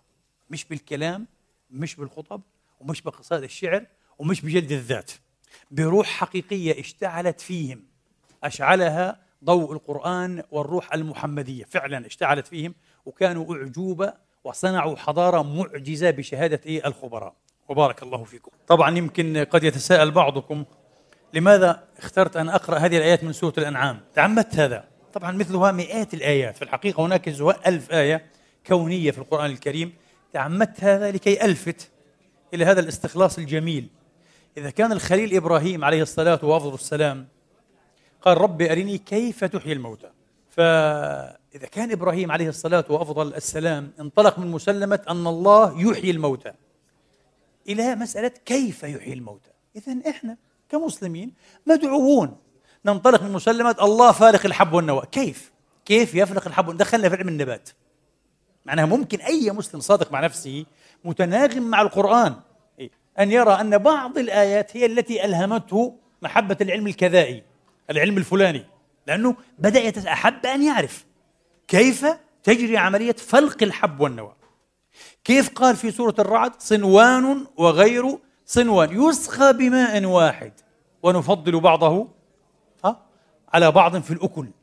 أو بعضها على بعض في الأكل. غريب. كيف طيب؟ أرض واحدة في الظاهر بذور متشابهة. نفس التربة نفس المياه. في الأخير إيه؟ أشجار وأثمار مختلفة. هذا علم الجينات طبعا. هذه مسألة الجينات أنا في برنامج في الداخل. في برنامج في الداخل. ال genotype آه ال genotype. ال phenotype يتبع ماذا؟ ال geno فالقرآن مملوء غاص مثل هذه الآيات الكونية. القرآن فيه زهاء ألف آية. تخيل أنت عاد ناهيك أو فضلا عن الآيات التاريخية. تتحدث عن إيه؟ فرعون وقومه. موسى وبني إسرائيل عيسى وبني إسرائيل. مملكة سبأ مملكة عاد أه؟ صالح وثمود. قصص وتاريخ الأمة العربية وقريش والفيل وكذا. لو أنت ذهبت ويأجوج ومأجوج والسد وهذا الرجل إيه الصالح إلى آخره والخضر. ذهبت إيه مع تاريخيات القرآن. أحد المؤرخين المصريين الدكتور مهران رحمة الله عليه ألف موسوعة على ما أذكر من أكثر من ست مجلدات. ست مجلدات في جغرافيا القرآن الكريم. بس.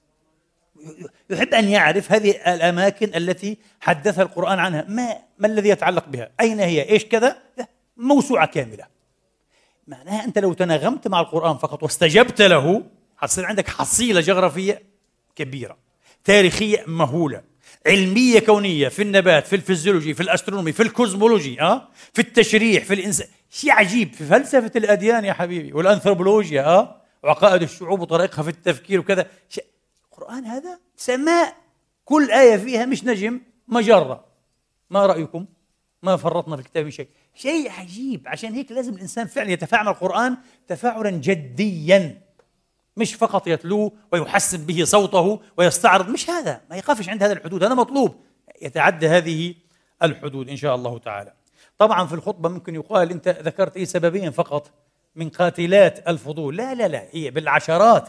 بس أنا إيه ذكرت ما يتناسب مع المقام وما يسمح به أو ما سمح به الوقت لأن الوقت ضيق وبالكاد نحن أدركنا إيه؟ يعني صلاة الجمعة في وقتها بحمد الله تبارك وتعالى. من أهم ربما قاتلات برضو إيه؟ الفضول إحنا ذكرنا إيش؟ نظام التعليم الرسمي. ذكرنا إيه؟ العجب والغرور ونزعة التباهي والتعالم عند بعض الناس. أيضا الاستكبار. بعض الناس مش يتعالم بس هو عنده نوع إيه؟ يعني لا مش أنا مش مثلي اللي بيسأل يعني. ما, ما ينفعش. أه؟ ولذلك قيل اثنان لا يتعلمان مستحي ومستكبر. المستكبر. العلم حرب للفتى العالي. العلم حرب للفتى المتعالي كما السيل حرب للمكان العالي. أول ما يجي السيل باخذ إيه؟ الأشياء العالية. كذلك الإنسان المتعالي هو في حالة حرب مع العلم ما بتفقوش الاستكبار. أيضا يا إخواني انتشار روحية وثقافية وعقلية ومزاجية منتلتي يعني آه تعاقب الفضول. وهذا موجود في الأمم المتأخرة والمنحطة.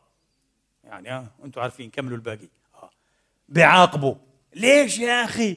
لماذا تطرح هذه الأسئلة؟ يعني أنت الحين جاي تعرف اللي الأمة كلها ما عرفتوش يا ما شاء الله عليك. الأمة كلها لم تفتح هذه الملفات جاي تفتحها أنت اليوم. ولو تحرك كل مخترع وكل مكتشف وكل فيلسوف وكل مفكر وكل عالم من مثل هذه العقلية ما فعل شيئا. ولا من صحيح. كان قاعد مكانه. لكن هذول بالذات اللي عملوا هذه الأشياء ها؟ مخترعين مكتشفين فلاسفة مفكرين إلى آخره آخره. بالعكس تحدوا السائد وقالوا آه. لا.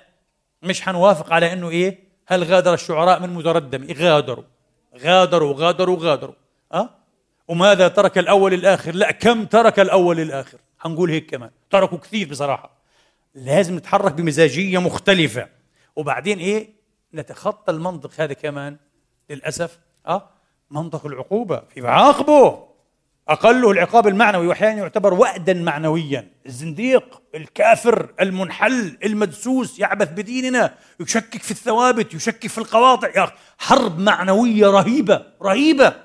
وبتلاقي أنت الشيء اللي قلته أو قاله هذا المجتهد أو ذاك قال به أئمة عظماء كبار في التاريخ الإسلامي. ولم يتهموا لا بزندقة ولا بكفر ولا بكذا مش لأنه كان تاريخنا مثاليا وورديا. لا بس كنا أمة متحضرة أكثر أكيد. وكنا أمة متفتحة أكثر على نحو سمح أن يوجد فيها أمثال إيه؟ أحمد والشافعي وأبو حنيفة والصادق وزيد وابن إباض وأيضا الفارابي وابن سينا وابن رشد والغزالي وابن تيمية وابن خلدون؟ أه؟ أه؟ وأمثال هؤلاء في في كان في تفتح أه؟ والقاضي عبد الجبار همدان المعتزلي وأمثال هؤلاء وحتى إيه النظام شيطان المعتزلة كما يلقب عند أهل السنة في كان في سمح. أكثر تحضر من الآن بمراحل كنا وأكثر توسعا وأكثر تسامحا. اليوم لا في وقت معنوي يعاقب في حلم الغيرة طبعا الغيرة والحسد. وطبعا الذهن المغلق هذا closed minded آه عقل مغلق بالكامل ما بيستوعبش ما عندوش هذه المزاجية. يتعامل باحترام واحتفاء آه احتفاء بالتجديد بالإصلاح بالإجتهاد بالقول. حتى إن كان غلطا يا رجل. مالك أنت؟ إيش مشكلتك؟ لا. ما يحبوش ابدا. وأيضا هناك إيه؟ الوأد الحقيقي. قتل أحيانا. يغتال الناس. أو إن لم يغتالوا يطالب بقتلهم. إحنا شفنا ما شاء الله يوم ما الإسلاميين أخذوا نفسهم في مصر الحبيبة والله يحفظ مصر. تم ذبح الناس في الشوارع. قال واحد متشيع. طول حياته متشيع هذا. أخذوه قتلوه ذبحوه ذبحوا اعتنى معاه وجروهم كالنعاج في الشارع. هذا الوعد تبعنا. ومؤتمرات وأرى رؤوسا أينعت وحان قطافها وبتهددوا في قتل الناس ومحاكمة الفنانين ومح... إيش الكلام الفارغ هذا؟ هذا وعدكم؟ هذا مشروعكم؟ لذلك البناء كله كان على غلط. ما تأسسناش. أفكار كلها من خرم إبرة. نظريات كلها من ثقب الخياط سم الخياط. نحتاج نتوسع. المبدأ أنه ثقافة ضحلة ستساهم في تدمير أمتها خاصة إذا تجلببت بجلباب الدين. الدين المقدس اللي بيعرف كل شيء وما دام تكلم باسم الدين هو حط يافطة الدين. فقط حط هيك الإسلام حملها. خلص بعطيك انطباع هو حب يعلمك هو أنشأ عقليتك بطريقة إنه كل شيء بقوله هو دين. واسكت ما تناقشش. لا يا حبيبي دمرتونا أنتم دمرتونا. أنتم مش امتداد بأي معنى من المعاني. للفخر الرازي ولا حتى لابن تيمية نفسه. أه؟ والغزالي وابن سينا وابن رشد والفارابي والطبري وأحمد والشافعي مش امتداد لهم بأي معنى المعنى بصراحة. الصلة منقطعة تماما بينكم وبين هؤلاء. فبدنا ثورة. سأقرأ يا إخواني عليكم الآن زهاء صفحة ونصف الصفحة أو الصحيفة من مقدمة شمس الدين أبي عبد الله المقدسي أو المقدسي. له ضبطان الجغرافي الشهير جدا. صاحب إيه أحسن؟ التقاسيم في معرفة الأقاليم في القرن الرابع الهجري. القرن الرابع هذا توفي تقريبا في آخر الرابع الهجري 390 توفي. الله يرحمه. آه. وهذه المقدمة بالذات ترجمت إلى معظم لغات العالم الحية. ما في عالم وجغرافي قرأها إلا قال لك نترجمها عشان تعرف كيف وجد كيف أتيح مثل هذا الجغرافي العبقري في حضارة المسلمين. طبعا وعلى فكرة هو مش أكثر عبقرية من الإدريسي. لا يفوق بالعبقرية بصراحة في تقويم العلماء المتخصصين إلا الشريف الإدريسي أبي عبد الله الإدريسي. أعظم من المقدسي لسه. لكن شوفوا المقدسي هذا اللي حكى عنه كما قلت لكم بعد الصلاة المستشرق النمساوي ألويس شبرينجر ألويس شبرينجر. قال هذا الرجل أعظم عبقرية جغرافية عرفتها البشرية قاطبة. شيء عجيب يعني أعظم جغرافي المقدسي. أعظم جغرافي عربي في القرن العشرين جمال حمدان الشهيد رحمة الله عليه اللي قتل وما حد عارف كيف قتل وقال لك انحرق وما أعظم عب عبقرية جغرافية عربية. هذه قدمته مصر للعالم العربي. لكن الحضارة الإسلامية قدمت المقدسي كأعظم عبقرية للعالم والتاريخ. تماما مثل إيه؟ أولئك آبائي. فجئني بمثلهم إذا جمعتنا يا جرير المجامع. هذول أبائنا اللي ما صرنا أبناء لهم للأسف الشديد ولا أخلافا صالحين لهم ولا كأنه في سبب بيننا وبينهم آه، يربط. مثل المرحوم أيضا إيه؟ ولي الدين ابن خلدون. ابن خلدون عبد الرحمن ابن خلدون ولي الدين رحمة الله عليه مؤسس علم الاجتماع وفلسفة التاريخ اللي قال عنه أرنولد تومبي أعظم عبقرية في التاريخ عرفها أي زمان وأي مكان. تومبي أعظم مؤرخ في القرن العشرين. فيلسوف التاريخ. قال ما فيش عبقرية مثل ابن خلدون. هذول أبائنا هذول أجدادنا. تخيل. إيش يقول إيه؟ المقدسي في مقدمة كتابه. يقول اعلم أن جماعة من أهل العلم ومن الوزراء صنعوا هذا الباب يعني الجغرافيا. يعني تكلموا كتبوا في علم الجغرافيا. وإن كانت أي صناعتهم مختلة. ليش؟ فأكثرها بل كلها سماع لهم أشياء سمعوها. ونحن فلم يبقى إقليم إلا وقد دخلناه وأقل سبب إلا وقد عرفناه. وما تركنا مع ذلك البحث والسؤال والنظر في الغيب. شو الغيب يعني؟ المجهول. أشياء بنعرفهاش. مش الغيب؟ الغيب يعني ها؟ أشياء بنفهمهاش نسأل عنها برضو. الناس اللي بيعرفوا.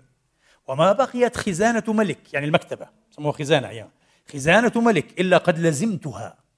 مش قرأ كتابك لما يقرأها كلها. يقرأ على الأقل إيه الجغرافيات تبعها. ولا تصانيف فرقة إلا قد تصفحتها ولا مذاهب قوم إلا وقد عرفتها ولا أهل زهد إلا وقد خالطتهم ولا مذكور بلد إلا قد شهرتهم. مين مذكور بلد؟ الخطباء والعلماء والدعاء والناس المشاهير يعني. بسميهم مذكور بلد. آه. إلا قد شهرتهم. حتى استقام لي ما ابتغيته في هذا الباب. ولقد سميت. ها بستة وثلاثين اسما. ما خلاش مكان راح فيه. آه. تحرك في النطاق كله هذا. آه. أكثر من 36 أو 36 اسم ونعت وصفة له. بحسب أشياء كثيرة. دعيت وخوطبت بها مثل مقدسي وفلسطيني ومصري ومغربي وخراساني وسلمي. نسبة إلى بني سنيع بن منصور قبيلة عربية وسلمي ومقرئ وفقيه وصوفي وولي وعابد وزاهد وسياح. يسموه إيه؟ السائح يعني. آه. وسيح رحاله يعني يسموه الرحالة يعني. وسياح ووراق ومجلد مجلد كتب وتاجر وإمام ومذكر ومؤذن وخطيب وغريب وعراقي وبغدادي وشامي وحنيفي ومؤدب وكير. شو الكري؟ اللي يعمل إيه؟ بالأجرة يكترى يعني اسمه الكري. وكري ومتفقه ومتعلم وفرائضي. شو فرائضي؟ عالم في الميراث يعني فرضي. آه، وفرائضي وأستاذ. أستاذ في الحضارة الإسلامية تعني ماذا؟ صاحب الحرفة صاحب الصنعة صنعة معينة. نجارة حدادة كذا بسموه الأستاذ وهي كلمة فارسية مش بروفيسور يعني اليوم لا. وأستاذ ودانش موند. دانش هو كاتبها؟ دانشومند لا دانش موند. دانش معناها إيه؟ العلم. العلم. وموند بالفارسية معناها إيه؟ المهتم صاحب العناية. ودانش موند معناها العالم الكبير بالفارسية. دانش موند. أبو بكر بن العربي لما التقى بالإمام الغزالي القصة المشهوره آه قال جئنا بغداد في سنة كذا كذا كذا والتقينا بدانشموند عن مين؟ عن أبي حامد الغزالي. فإذا قال إيه؟ فإذا هو فوق الوصف. أكثر مما سمعنا عنه. المهم ودانشموند وراكب اللي هو ملاح نوتي آه وراكب ورسول. وذلك لاختلاف البلاد التي حللتها وكثرة المواضع التي دخلتها. في كل مكان بدخل وبيعمل شغله مرة بأذن مرة بعلم مرة بكذا وباخذ أسماء جديدة. رجل عجيب موسوعة حية. حياته كلها نشاط وفاعلية وإنجاز. ثم لم يبق شيء مما لحق المسافرين إلا قد أخذت منه نصيبا إلا الكدية. يعني المسافرين إيش؟ ممكن يجتمعوا بالفساق ممكن يصير لهم إيه؟ قطع طريق ممكن يأكلوا الميتة ممكن يأكلوا الحرام ممكن يغص بلقمة مسكين إيه ويسلكها إيه بالخمر. قال كل شيء صار لي إلا الكودية الشيء هذا ما شحتش عنده عزة نفس. قال لا ما سألتش. عمري ما بديت إيدي أسأل. قال إلا الكودية وركوب الكبيرة. شوف ما شاء الله. تقي قال الكبائر ما عملهاش. شوف إلا الكودية وركوب الكبيرة. فقد تفقهت وتأدبت وتزهدت وتعبدت. كمسالك سلوك حقيقي يعني. دخل مع الزهاد ومع العباد ومع شغلة. وفقهت وأدبت وخطبت على المنابر وأذنت على المنائر وأممت في المساجد وذكرت في الجوامع واختلفت إلى المدارس ودعوت في المحافل وتكلمت في المجالس وأكلت مع الصوفية الهرائس الهريسة. ومع الخانقائيين تعون الخانقاة. هذه تكون إيش؟ يعني زوايا صوفية بس على الحدود مع العدو بالذات كانت هيك الخوانق. بعدين صار في أي مكان. هذا الفرق. آه. ومع الخانقائيين الثرائد جمع ثريد. ومع النواتي الملاحين العصائد النواتي جمع نوتي اللي هو الملاح. ربان السفينة يعني أو ربان القارب بسموه النوتي النواتي. ومع النواتي آه الملاحين العصائد. وطردت في الليالي من المساجد. ما فيش كان فنادق. اطلع برا إيه؟ ينام برا في البرد والمطر. وطردت في الليالي من المساجد. نعم. وسحت في البراري وتهت في الصحاري. وصدقت في الورع زمانا. تورعت كذا كنت صادق. وأكلت الحرام عيانا. لأنه إيه؟ مضطر. وإلا بموت. أكيد أكل يعني. شيء محرم تعرف إلا المضطر يعني. وصحبت عباد جبل لبنان وخالطت حينا السلطان وملكت العبيد وحملت على رأسي بالزنبيل بالقفة.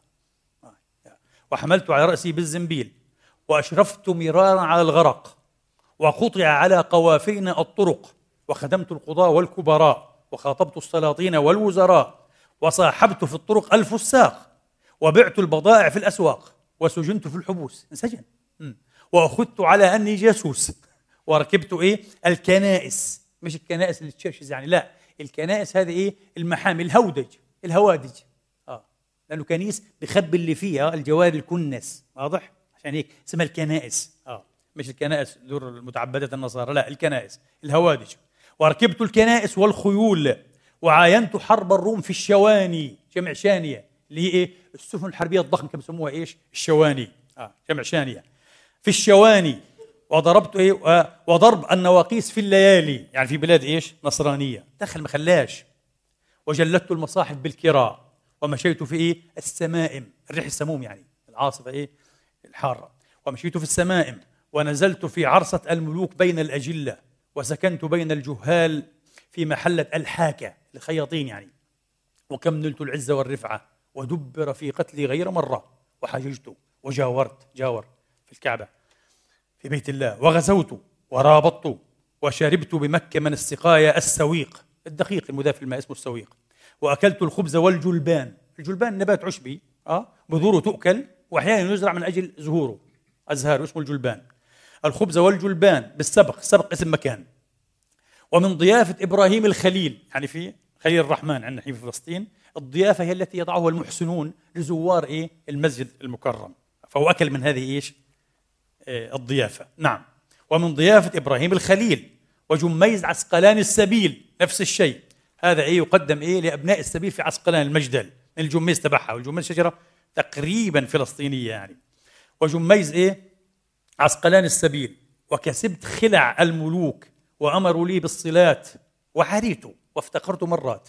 وكاتبني السادات ووبخني الأشراف. شو صادق رجل صادق وبسيط. فعلا روح طفولية. قال لك عملت هيك وهيك وهيك يعني صادق. آه. ورميت بالبدع واتهمت بالطمع. آه. وأقامني الأمراء والقضاء أمينا ودخلت في الوصايا وجعلت وكيلا وكيل على أموال اليتامى والقصر وكذا. قمت إيه؟ آه. وامتحنت الطرارين. الطرار هو اللي إيه؟ بيجي بشق جيبك من غير ما تشعر وبسرق منك. اسمه الطرار هذا. وامتحنت الطرارين. ورأيت دول العيارين. اللصوص. آه. المسالحة بالذات. عيارين بسموه رأيت دول العيارين. واتبعني الأرذلون وعاندني الحاسدون وسعي بي إلى السلاطين ودخلت حمامات طبرية والقلاع الفارسية. ورأيت يوم الفوار وعيد بربارة من أعياد النصارى في الشام هذه آه عيد بربارة. وعيد بربارة. وبئر بضاعة في المدينة اللي يلقى فيها الحيض في الحديث المشهور. وبئر بضاعة وقصر يعقوب وضياعة آه. والمهرجان والسنة. السنة رأس السنة يعني كريسماس يعني آه رأس السنة المسيحية. والنيروز بعدن وعجبة. وعيد المار سرجة. في مصر. ومثل هذا القدر. ليعلم الناظر. شو مثل هذا القدر؟ يعني ليلة القدر. بحكي عن احتفالات دينية. ومثل هذا عن شهادة احتفالات ليلة القدر. ومثل هذا القدر. ليعلم الناظر في كتابنا أن لم نصنعه جزافا ولا رتبناه مجازا. ولما تقرأ أحسن التقاسيم مثل ما وصفه العلامة الجغرافي والمؤرخ بالذات الله يرحمه. هذا هذا ابن بار. لهؤلاء حسين مؤنس. اللي أشدت به ولا أمل من الإشادة بهذا المؤرخ المصري العظيم عبقرية تاريخية جغرافية أدبية. ما شاء الله عليه تخيل. ورجل موسوعي كان يريد ثمان لغات. يكتب منها واليها ويترجم منها شيئا. حسين مؤنس ها علامة كبير كبير كبير كبير. إذا أحببت أن تعرف حضارتك وتعشق هذه الحضارة اقرأ لحسين مؤنس هذا المؤرخ العظيم الذي ندر مثاله. قال أحسن التقاسيم تقرير. ريبورت هو. عن الدنيا. تقرير عن العالم. مش عن مدينة ولا عن قرية. عن العالم. ذكرت أنا ملخص هذه المقدمة الماتعة الرائعة قبل سنوات. أيضا بصدد إيه كلامي عن الفضول وموت حس الفضول في المسلم المعاصر. وقلت أيامها معقبا. وما زال أقول للأسف الشديد. وبتلاقي المسلم أنت. بيعيش في النمسا في ألمانيا في أستراليا. في كندا في أي بلد غربي أو شرقي 20 و30 سنة؟ ولا يكاد يعرف شيئا حتى عن تاريخ البلد. لا تاريخ لا جغرافيا ولا شيء ولا كأنه موجود في البلد. وين الفضول؟ وين محبة الايه المعرفة؟ وين كذا؟ ما في بالمرة. عشان تعرف نحن في الحقيقة مواد فما نغترش يا إخواني بصراحة لازم نواجه أنفسنا بالحقيقة المرة. وما نغالطش أنفسنا في الحقائق. لازم نكون. إحنا مش أحياء. والله العظيم. مش الحي البني آدم الحي. ابن أبوه صح؟ حي. ابن معلم الأسماء. عنده فضول. بحب يعرف بحب يتعلم بحب والآن ما شاء الله فرصة التعلم والتعليم مجانية. خاصة بعد عالم النت هذا. مجاني. تتعلم كل شيء وأنت قاعد. بلا بلا فلوس. ما تحبش القراءة؟ في عندك أشياء مشاهدة عندك أشياء مسموعة ولا مش صحيح؟ من كل أنحاء العالم بمختلف اللغات يا رجل. بضربة هيك تكتب أنت؟ بتجيك أحيانا إذا كنت باحثا علميا جادا ما تخشش حتى على جوجل عادية. خش Google Scholar. اكتب بس اسم الموضوع اللي بدك إياه. تفضل. أكثره مجاني وفي مدفوع. لكن اللي بيحب طبعا بدفع حب. قال الإمام الشافعي أخي لن تنال العلم إلا بستة. سأنبيك عن تفصيلها ببياني. اجتهاد وفطنة وحرص وبلغة أه وصحبة أستاذ وطول زماني. بلغة. بدك تدفع. يكون عندك شيء تتبلغ به. يعني العلم بده إيه؟ برضه إنفاق. تعملوا موازنة معينة. عن موازنة لسيارتك وموازنة لأكلك وشربك وملابسك. اعمل موازنة إيش؟ للعلم. مش غلط وأنت بتعمل كتاب وبحث مهم في موضوع علمي فلسفي فكري تاريخي سياسي اي ايا كان هذا الموضوع. إنك تخش على إيه؟ المواقع هذه المدفوعة وتنفق لك 50 دولار 100 200 حسب وتنزل أبحاث معينة. مش متاحة إلا مدفوعة. أوراق معينة فيش مدفوعة هي. ادفع وتعلم تعلم وانفع نفسك وانفع غيرك. بلغة. ضحي ضحي بدها تضحية. واضح؟ العرب كانوا يقولوا إيه؟ العلم خزائن. مفاتيحها السؤال. وسؤالي أنا هنا ما الذي يثير السؤال؟ الفضول. إذا ما عندك فضول من أصله مش حتسأل. صح ولا لا؟ حيكون موضوع ألف موضوع للسؤال ومش حتسأل لأنه ما فيش الفضول لذلك أنا بشوف أنه الحكمة الإغريقية أحسن من الحكمة العربية هذه. كلمة العلم خزائن مفاتيح السؤال. لا الإغريقية أحسن. إيش تقول؟ أن تحب المعرفة. معناها أنك تعرف. معناها الإغريق إيش بيقولوا؟ عندك البيشن أو الشغف. عندك شغف المعرفة؟ اللي هو بين قوسين اسمه إيش؟ اسمه الفضول. عندك فضول المعرفة؟ خلص عرفت. لأنه من غصب عنك هذا الفضول سوف إيه؟ يهرش تحت جلدك حيخليك تحك. زي ما قال إيه؟ برلين هذا بدك تصير تحك وتبحث وتسهر وكذا. إحنا ما عندناش الحكة المعرفية بصراحة زي ما قلت لكم. فواضح إن إحنا تقريبا ميتين. في شنا في فينا شيء كبير ميت.